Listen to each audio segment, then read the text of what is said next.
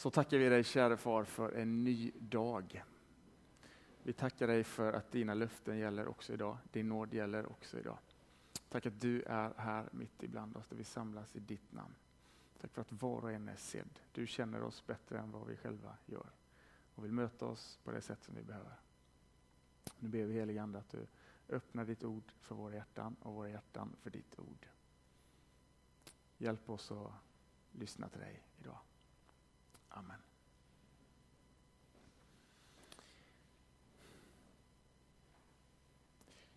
Ja, vad är evangeliet? Vi pratade en del om det igår. Vi stannade upp inför evangeliet som händelse genom vad Gud har gjort genom Jesus, som drar oss in i ett liv i nåd och frid. Vi pratade om evangeliet som, som seger, att vi får leva med segern i ryggen.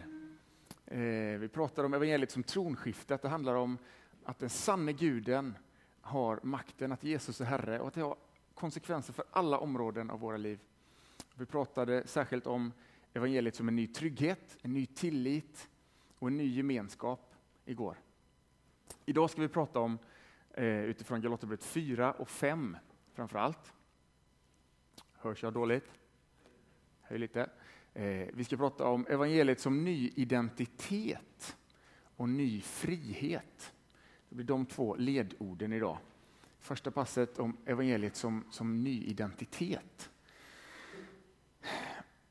Många sociologer menar att bland den unga generationen idag så har konstruktionen av vår identitet blivit vårt stora livsprojekt. Om vi tänker oss förr i tiden var det inte riktigt lika på samma sätt. Då var man skomakarens pajk eller bonnens tös eller vad det nu var. Och man hade ganska mycket givet i det traditionella samhället. Idag har vi alla vägar öppna, alla valmöjligheter. Eh, när vi går och handlar så handlar vi kanske inte så mycket för att vi har jättestora materiella behov. Snarare kanske man nästan kan säga att mångt och mycket så shoppar vi oss en identitet. Vi köper oss eh, en bild av oss själva genom rätt kläder, rätt prylar, eh, lyssna på rätt musik. Eh, vi konstruerar en bild av oss själva som vi tycker är bra. Liksom. Identiteten har blivit vårt stora livsprojekt. Vi sitter och putsar på våra selfies på mobilen och konstruerar bilden av oss själva. Det är det livet mycket handlar om eh, för den unga generationen, enligt många, om man får tro de här sociologerna. Och sen när allt stannar upp, musiken tystnar, ändå en gnagande känsla av tomhet och en djup fråga. Vem är jag egentligen? Vem är jag bortom allt det där och under allt det där? Vem är jag? Den här frågan är inte ny. Den är gammal. Vi kan gå till Bibelns första sidor. Vi slår upp första Moseboken. 1, 2 och 3. Ni vet, Bibelns stora story handlar om att Gud skapar människan till sin avbild. Har ni hört tusen gånger, men det är värt att stanna upp för ändå. Kyrkofadern Irenaeus han sa så här att Genesis 1.27, att människan är skapad till Guds avbild, det egentligen kan nästan hela Bibeln sammanfattas i denna vers. Resten är fotnötter, sa han. Lite överdrivet, men han hade ändå en viktig poäng, att vi behöver förankra eh, storyn hur det börjar. Gud skapade människan till sin avbild. Sen minns ni hur det gick? Eh, om vi läser i Första Mosebok 3. Eh, människan litade inte på Guds godhet. Ormen verkade lite mer attraktiv, lite mer trovärdig. Äpplet verkade lite godare. Eh, och man eh, valde att inte lita på Guds godhet. Människan satte sin djupaste tillit till något annat. Jag blir nog lycklig genom att söka det skapade, skilt från skaparen. Istället för att glädjas över skapelsen tillsammans med skaparen. Man bryter relationen till Gud. Och vad är det första som händer? Vad är det första som händer? Om vi läser Första Moseboken 3.7. Första Mosebok 3.7. Då står det så här. Då öppnades ögonen på dem båda och de märkte att de var nakna. De märkte att de var nakna. Betyder det bara att oj, de upptäckte att de liksom var nakna så? Eller finns det en djupare betydelse också kanske? Om vi tänker om människan verkligen är skapad till Guds avbild, om människan är skapad för att helt och hållet speglas i Guds härlighet, älskas av Gud, vara intimt förenad med Gud och liksom eh, ge Guds kärlek vidare ut i världen och älska Gud tillbaka. Vad är då människan utan Gud? Vad är då människan utan Gud? Om vi till vårt väsen är skapade till Gud, till Guds avbild, då är människan ingenting. Och det är det Adam och Eva upptäcker. Tomheten. Vem är jag? Människan utan Gud, en klump materia. De såg att de var nakna. Det är som filosofen Nietzsche, om ni har talat om honom. Han, han förkunnade Guds död. Men då insåg han att också människan dras med i fallet. Också människan dras med i fallet. Är Gud död, då är människan död på ett sätt. Och han blev själv, hade svårt att hantera det här, han blev galen. Eh, men där börjar människans desperata jakt på en ny identitet. Och vad står det sen i 3.7? Vad gjorde människan? Jo, de fäste ihop fikonlöv och gjorde höftskynken åt sig. Och fikonlöv är ju fantastiska och fina och goda och bra på alla vis, men de är inte jättebra till att skyla nakenhet. Man springer lite så fladdrar det upp lite sådär och de vissnar och, och ramlar ner efter ett tag. Så det är inte jätte, jättehållbara liksom, som för att skyla sin nakenhet. De kan aldrig utgöra en hållbar grund för min identitet. Och jag tror att fikonlöven står för någonting mer. Jag tror att fikonlöven står för alla våra försök att konstruera en identitet skild från Gud. Fikonlöven står för alla våra försök att liksom eh, täcka över vår nakenhet. Alla våra försök att liksom bli någonting genom alldeles för eh, billiga grejer egentligen. Eh, man är ju inte vem som helst, man är ju civilingenjör. Vet du. Eller eh, vdn som blir arbetslös men som ändå åkte till, tog bilen och åkte till kontoret varje dag och satt och löste korsord. Bara för att liksom, eh, inte visa för grannarna att han hade blivit arbetslös. Kläder kan vara fikonlöv, utseende, betyg. Kanske kan till och med Eh, positioner i kyrkan, att vara präst som jag, kan vara ett fikonlöv. Eh, att vara ledare. Eh, fikonlöv är bra grejer i sig, men om de blir grunden för min identitet, då är de inte så bra till det. Allt som tidigare var min källa till glädje, min framgång, mina fina betyg, mitt vackra utseende, min fina bil, min stora skicklighet och begåvning och mitt smarta intellekt. Aldrig kan de vara tillräckliga svar på frågan Vem är jag? Aldrig kan de utgöra en hållbar grund för min djupaste identitet. Så har vi, om vi fortsätter läsa redan här i, i Första Mosebok 3, i, i vers 21, så har vi vad man brukar kalla ett protoevangelium. Ett urevangelium, liksom. en, en första hint om vad som komma skall. Då står det så här. Och Herren Gud gjorde kläder av skinn åt Adam och hans hustru och klädde dem. Den här versen säger någonting, hintar om någonting om framtiden, om hur långt Gud var villig att gå för att på nytt klä människan i sin sanna identitet. Anders Sjöberg, jag vet inte om ni vet han är, han var missionsföreståndare för EFS tidigare. Han brukar säga så här att varje gång han läser den här versen, nej, så här sen, varje gång han åker ut och åker motorcykel och klär sig i sitt eh, MC-skinn, MC-ställ, som är de gamla är gjorda av skinn, då tänker han på den här versen att någon annan har varit tvungen att ge sitt liv för att jag ska få skydd.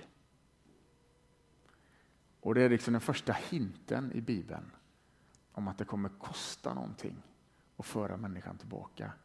Det kommer kosta någonting och på nytt hjälpa människan tillbaka till sin djupaste identitet. Och vad var det Paulus skrev eh, som vi läste igår, Galaterbrevet 2.20? Eh, så långt jag nu lever här i världen lever jag i tron på Guds son som har älskat mig och offrat sig för mig. Och offrat sig för mig. Evangeliet ger oss tillbaka vår sanna identitet. Hjälper oss tillbaka till den enda hållbara grunden för vår identitet som människa. I honom som har älskat mig och offrat sig för mig. Och vi ska stanna kvar lite vid den versen, 2.20, Galaterbrevet 2.20. Och så ska vi titta på en text till här nu på förmiddagen. Eh, vi kan gå till Galaterbrevet 4, vers 1-7.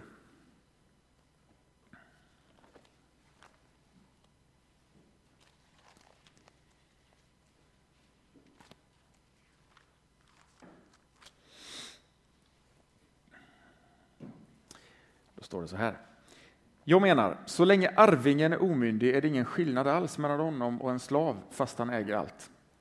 Han står under förmyndare och förvaltare fram till den dag som hans far har bestämt. På samma sätt var det med oss. Så länge vi var omyndiga var vi slavar under världens stadgar. Men när tiden var inne, nej, men när tiden var fullbordad sände Gud sin son, född av kvinna och ställd under lagen, för att han skulle friköpa dem som stod under lagen så att vi skulle få söners rätt. Och eftersom ni är söner har Gud sänt i våra hjärtan sin sons ande som ropar Abba, Fader. Så är du inte längre slav, utan son. Och är du son är du också arvinge, insatt av Gud. En fascinerande text detta tycker jag. Eh, det är tre huvudteman. Det handlar om arvet, barnaskapet och anden. Eh, tre teman som alla handlar om vår identitet. Som arvingar, som Guds barn, att vi har blivit, fått del av Guds ande. Eh, så en, en avgörande del av evangeliets budskap är att du är inte längre slav. Du är son eller dotter du är inte bara befriad från eh, din skuld eller från någonting, utan också till någonting. Du är befriad till eh, ett liv med Gud, med hans egen ande boende i dig som Guds barn.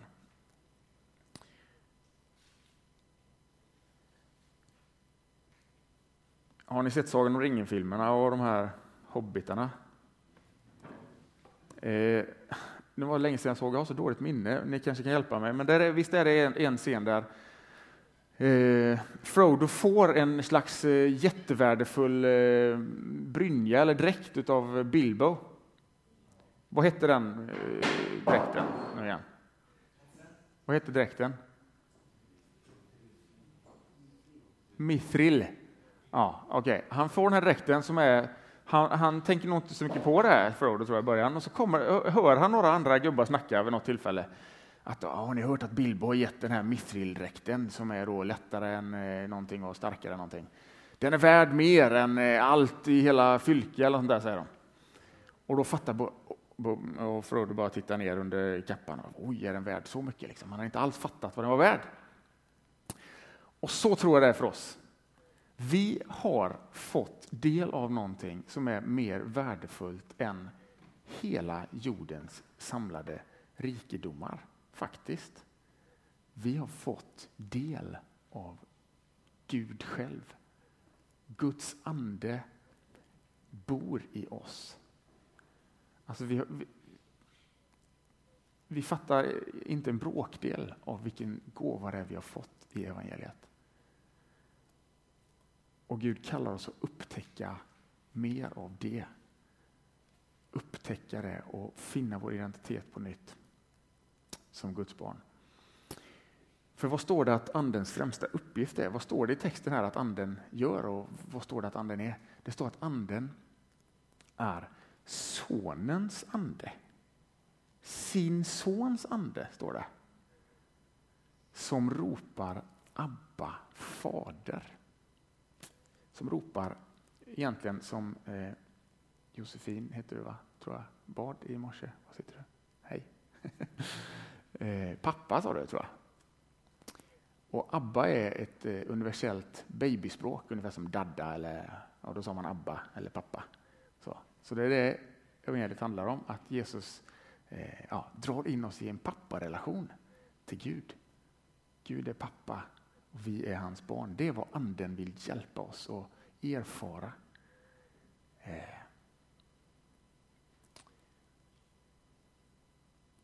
Vi har frågat de här dagarna, vad är evangeliet? Och kanske är det, det är en rätt bra definition Paulus har här egentligen om vi läser vers 4-7. Den är ganska, ganska heltäckande egentligen. Men när tiden var inne sände Gud sin son, född av kvinna, ställd under lagen, för att han skulle friköpa dem som stod under lagen, så att vi skulle få söners rätt. Och eftersom ni är söner har Gud sänt i våra hjärtan sin sons ande som ropar Abba, fader. Så är du inte längre slav, utan son.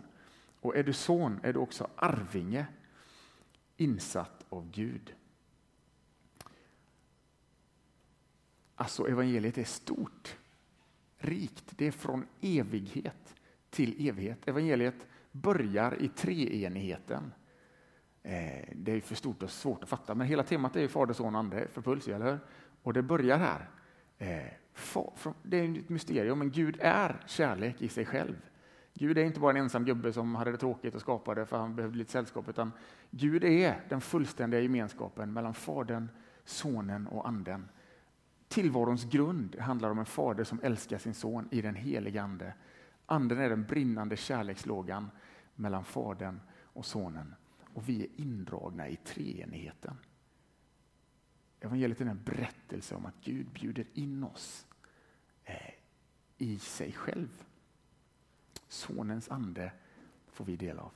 Vi får bli Faderns söner och döttrar. Det är hisnande. Eh, där finns vår sanna identitet i Guds kärlek. Jag vet inte hur det funkar med er, men för mig är liksom Ibland kan det bli svårt att ta till sig de här begreppen och så. Tycker, Jesus är ju en fantastisk pedagog. Han pratade mycket i liknelser och bilder. Och en liknelse han ger, som har oerhört många kopplingar till den här texten, som handlar om söner, en fader, om arv. Vilken tänker jag på? Förlorade sonen. Helt rätt, men ändå är det egentligen helt fel titel på den, för det handlar om två söner. Vi säger alltid den förlorade sonen. Men Jesu berättelse handlar faktiskt om två söner, eller hur? Vi missar ibland den andra. För mig är den texten som en, det är som en nyckel som jag tycker låser upp mycket av de här dogmatiska teologiska fraserna liksom, och hjälper oss att se evangeliet i, i, i rätt perspektiv. Jag vill bara connecta lite till detta nu, för det handlar så mycket om identitet och om den texten vi tittar på här i Galaterbrevet. Så vi kan hålla en tumme i Galaterbrevet 4 och så kan vi gå till Lukas 15.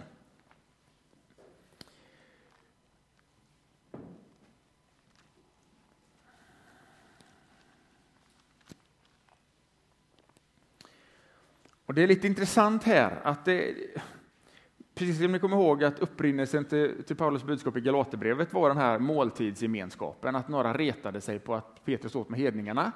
I Lukas 15 är det nästan lite samma grej. Där är det fariseerna som retar sig på att Jesus hänger med de prostituerade och tullindrivarna och syndarna.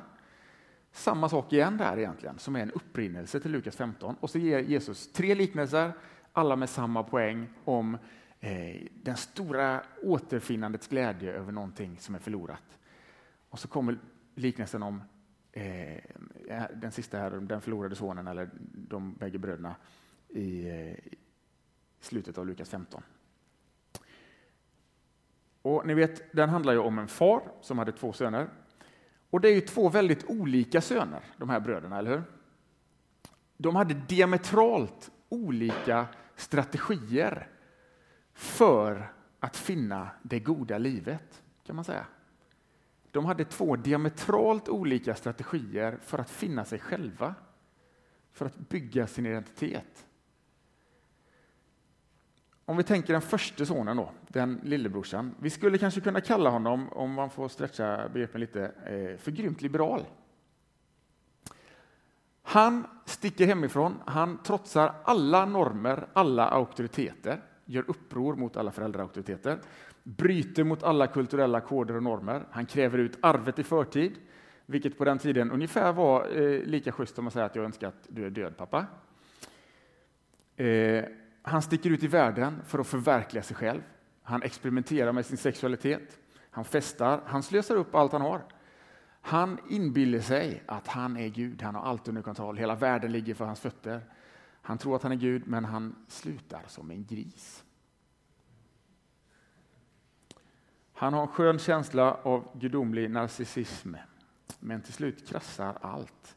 Han leker Gud och slutar som en gris och han landar där som grisvaktare och får knappt äta av grismaten ens en gång. Total förvirring. Vem är jag? Och där skildras i berättelsen att någonting händer. Så står det att lillbrorsan kommer till besinning. Och det grekiska ordet för att komma till besinning betyder ordagrant att komma till sig själv. De såg att de var nakna. Han kom till besinning. Han fick upp ögonen för sin nakenhet. Och där börjar resan hemåt mot sin far. Och han tänker ut en plan. Han ska erkänna liksom att han har gjort fel och sen så ska han fråga pappa om han kan få bli eh, en daglönare hos pappa för att försöka lite betala igen det här han har slösat bort. Okej, det var den ene sonen, hans jakt på identiteten. Den andra sonen, kanske skulle vi kunna, nu leker jag lite med begreppen bara för att utmana våra tankar. Kanske om man, om man kallar den första för liberal, skulle man kanske kalla den andra för grymt konservativ. Eh, han gör allt för att ständigt göra allting rätt. Han gör allt för att följa alla normer. Han gör ingenting som bryter mot normerna. Han gör likadant som han gjort förr, för så har vi alltid gjort. Han gör exakt likadant som det förväntas av honom. Om den yngre sonen sökte sin identitet i sitt självförverkligande genom att bryta mot alla normer, så söker den äldre sonen att bygga sin identitet genom att vara så god som möjligt och följa alla normer och vara alla till lags. Den yngre bygger sin identitet genom sin revolt, genom att testa på allt. Den äldre bygger sin identitet genom sin präktighet och sin duktighet. Och genom att alltid göra allting rätt. Och vara stolt över det också. Och kanske också lite bitter. Eller kanske ganska mycket bitter. Här har jag i alla år slavat under dig och aldrig överträtt ditt bud. Ändå har du inte gett mig en enda killing att festa med, mina vänner. Skriker han ut till pappa. Han var ganska bitter när pappa fixar fest för lillebrorsan. Och vad som händer här är att han skymfar sin pappa offentligt. Han vägrar gå in på festen och inför hela byn, liksom när alla var samlade, så, så liksom skäller han ut sin far inför alla. Också den äldre brodern är skild från fadern. Den lillebrorsan han var skild från pappa genom sin eh, ondska eller liksom sin revolt. Och storebrorsan var skild från pappas kärlek genom sin duktighet.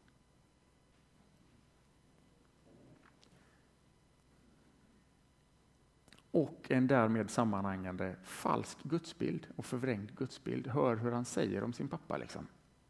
Här har jag slovat under dig, din snårde gamle get. Han hade ingen rätt bild av sin far. Hur bygger du din identitet? Vad har du för strategi? Vem är du i storyn? Själv kan jag känna igen mig i bägge bröderna i olika perioder av mitt liv.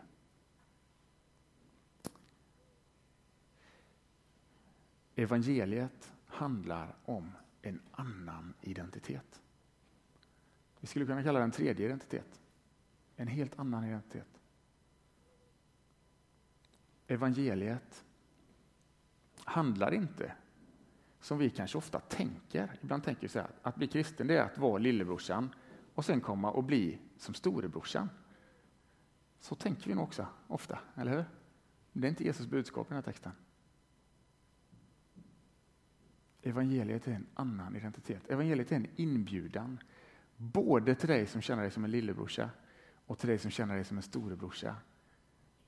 Att upptäcka på nytt din identitet i Faderns kärlek till dig. I Faderns kärlek till dig. Du är inte slav. Här har jag slavat under dig, säger den storebrorsan. Du är inte slav. Du är son och dotter. Pappas älskade barn. När lillebror styr sina steg hemåt, då kommer fadern springande mot honom. Det var inte okej okay heller i den här kulturen. Fäder, respektabla fäder i den här kulturen sprang absolut inte, det var under deras värdighet. Det var mödrar och eventuellt, eller barn naturligtvis och eventuellt mödrar som understod sig att springa, men icke fäder. Men det struntar denna pappan i. Han har stått och spanat och spejat. Glädjen över att se sin son, han springer. Han omfamnar honom, han kysser honom. Och det är intressant här att se tycker jag. Om man jämför vers 21 med vers 19 i kapitel 15 du kan tänka på detta nästa gång du ber Gud om förlåtelse för någonting. Lillbrorsan hade tänkt ut en lång fras, att han hade gjort en plan, liksom, att ja, nu ska jag börja betala av och så vidare. Innan han ens hinner be färdigt sin bön så avbryter honom fadern, omfamnar honom, kysser honom, klär honom i bästa rocken, klär honom i ring på fingret, skor på fötterna. Han hinner inte ens be färdigt sin bön innan han är i Faderns famn. Tänk på det nästa gång du ber om förlåtelse eller du vänder dig till Gud. Du hinner inte ens öppna munnen.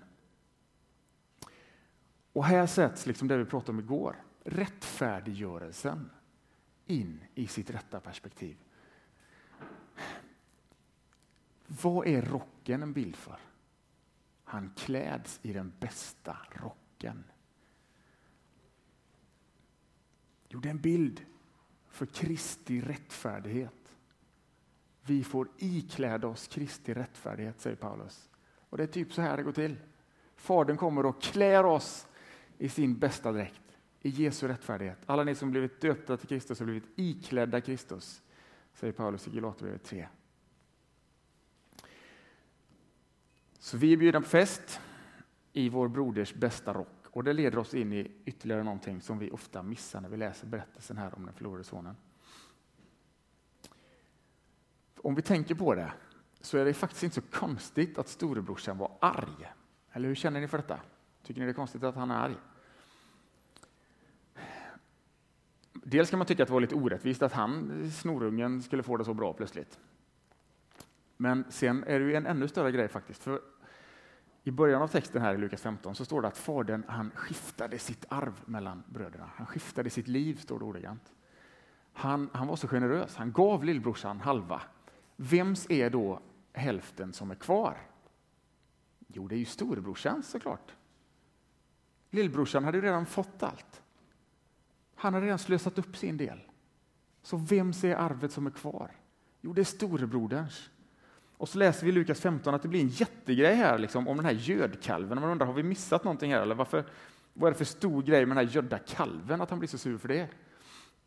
Gödkalven var ju en stor familjeinvestering, massa kött. Liksom. Man hade inga frysboxar på den tiden. Man fick, ska man slakta den, då var det ju hur mycket kött som helst. Då fick man ställa till en brakfest för hela samhället. Och det är klart, varje gödkalv, varje killing, varje rock, varje ring, varje sko, det var broderns egendom. Det var hans arv. Det kostade något att fixa fest för lillebrorsan när han kom hem. Och det byggde på att man fick ta från storebrorsan. Stackars lillebrorsan hade ingen storebrorsa som ville egentligen eh, vara generös här och återföra sonen till familjen. Men vi har en storebror som vill vi har en storebror som vill betala priset för att återföra oss till familjen. Återföra oss till barnaskapet. Återföra oss till Fadern. Nåden är gratis för oss, men den är inte billig. Den har kostat någonting. Den kostar någonting för storebrodern. Jag har ju tre barn, jag har träffat två av dem kanske här. Eh, det är rätt mycket bråk ibland. Jag vet inte om ni känner igen er. I alla fall bland mina barn så är det rätt mycket konflikt. Känslan för millimeterrättvisa sitter djupt rotad i människans natur. Det ska vara absolut rättvist och det är total katastrof om det är minsta lilla en kaka som är lite, lite större än vad den är. Det ska vara fullständig rättvisa, annars så är det oj, oj, oj. Alltså. Men så ibland, inte ofta, men ibland i benådade stunder så får man vara med om något väldigt vackert då, att det ena syskonet plötsligt liksom avstår från sin rättighet och kanske skänker en extra bulle till den andra. Eller där. Och tänker man, oh vad vackert.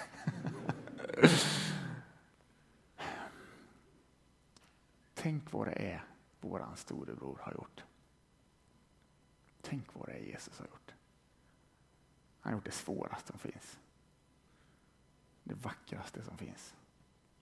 Han har offrat inte bara en gödkalv eller en rock, han har offrat sitt eget liv.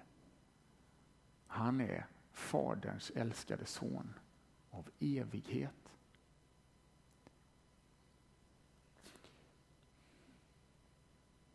Vi läser i Hebreerbrevet allting. Han är insatt till att ärva allting, står det i Hebreerbrevet 1. Fadern har skapat allt, säger Kolosserbrevet, till honom som en gåva till Kristus, genom honom. Fadern har från evighet skänkt allt till honom. Vi har förslösat vår del av arvet. Men vi har en bror som inte förvägrar oss att komma hem, utan hela treenigheten är från evighet involverad i att hjälpa oss hem igen. Fadern, Sonen, Anden. Hela treenigheten är involverad i att hjälpa oss hem. Där finns vår identitet. Och det är liksom det språket som används, sonens ande. Det betyder, liksom, som vi hörde predikan igår om Jesu dop, att, att eh, Jesus döptes. Faderns röst hörs, detta är min älskade son. Eh, kommer rösten när du sätter sig på Jesus. Att vi har fått Sonens ande i våra hjärtan innebär att samma kärlek som Fadern från evighet har till sin älskade son, Jesus. Samma kärlek har han till dig. Samma kärlek som Fadern från evighet har till Jesus genom den helige Ande. Samma kärlekslåga från Fadern brinner i ditt hjärta över dig. Det här är en identitet som håller. Nu kommer vi till den här hundralappen. Detta är en hundralapp. Om jag gör så här med den, det var tur att jag inte lånade din hundralapp, jag fick en annan. Det är gårdsföreståndaren, så vi får hoppas inte han blir arg. Jag kan skrynkla ihop hundralappen och slänga den där. Hur mycket är den värd? Den är fortfarande värd 100 spänn. Jag kan gömma den under mattan här. Syns inte, finns inte. Eller? Hur mycket är den värd? 100 spänn. Jag kan spotta på den. Nej, jag spottar inte på den för gårdsföreståndaren kanske blir arg. Den är fortfarande värd 100 spänn. Jag kan försöka putsa den och stryka den och göra den fin och rita små blommor på den liksom och skriva mitt CV på den och sånt, men den är ändå värd 100 spänn. Eller jag kan liksom eh, låtsas att jag är ingenting och skada mig själv, men den är fortfarande värd 100 spänn. Du är den älskade. Du kan knyckla ihop dig själv och gömma dig och vad som helst, men du är lika mycket värd för det. Du betyder allt för Gud. Glöm aldrig det.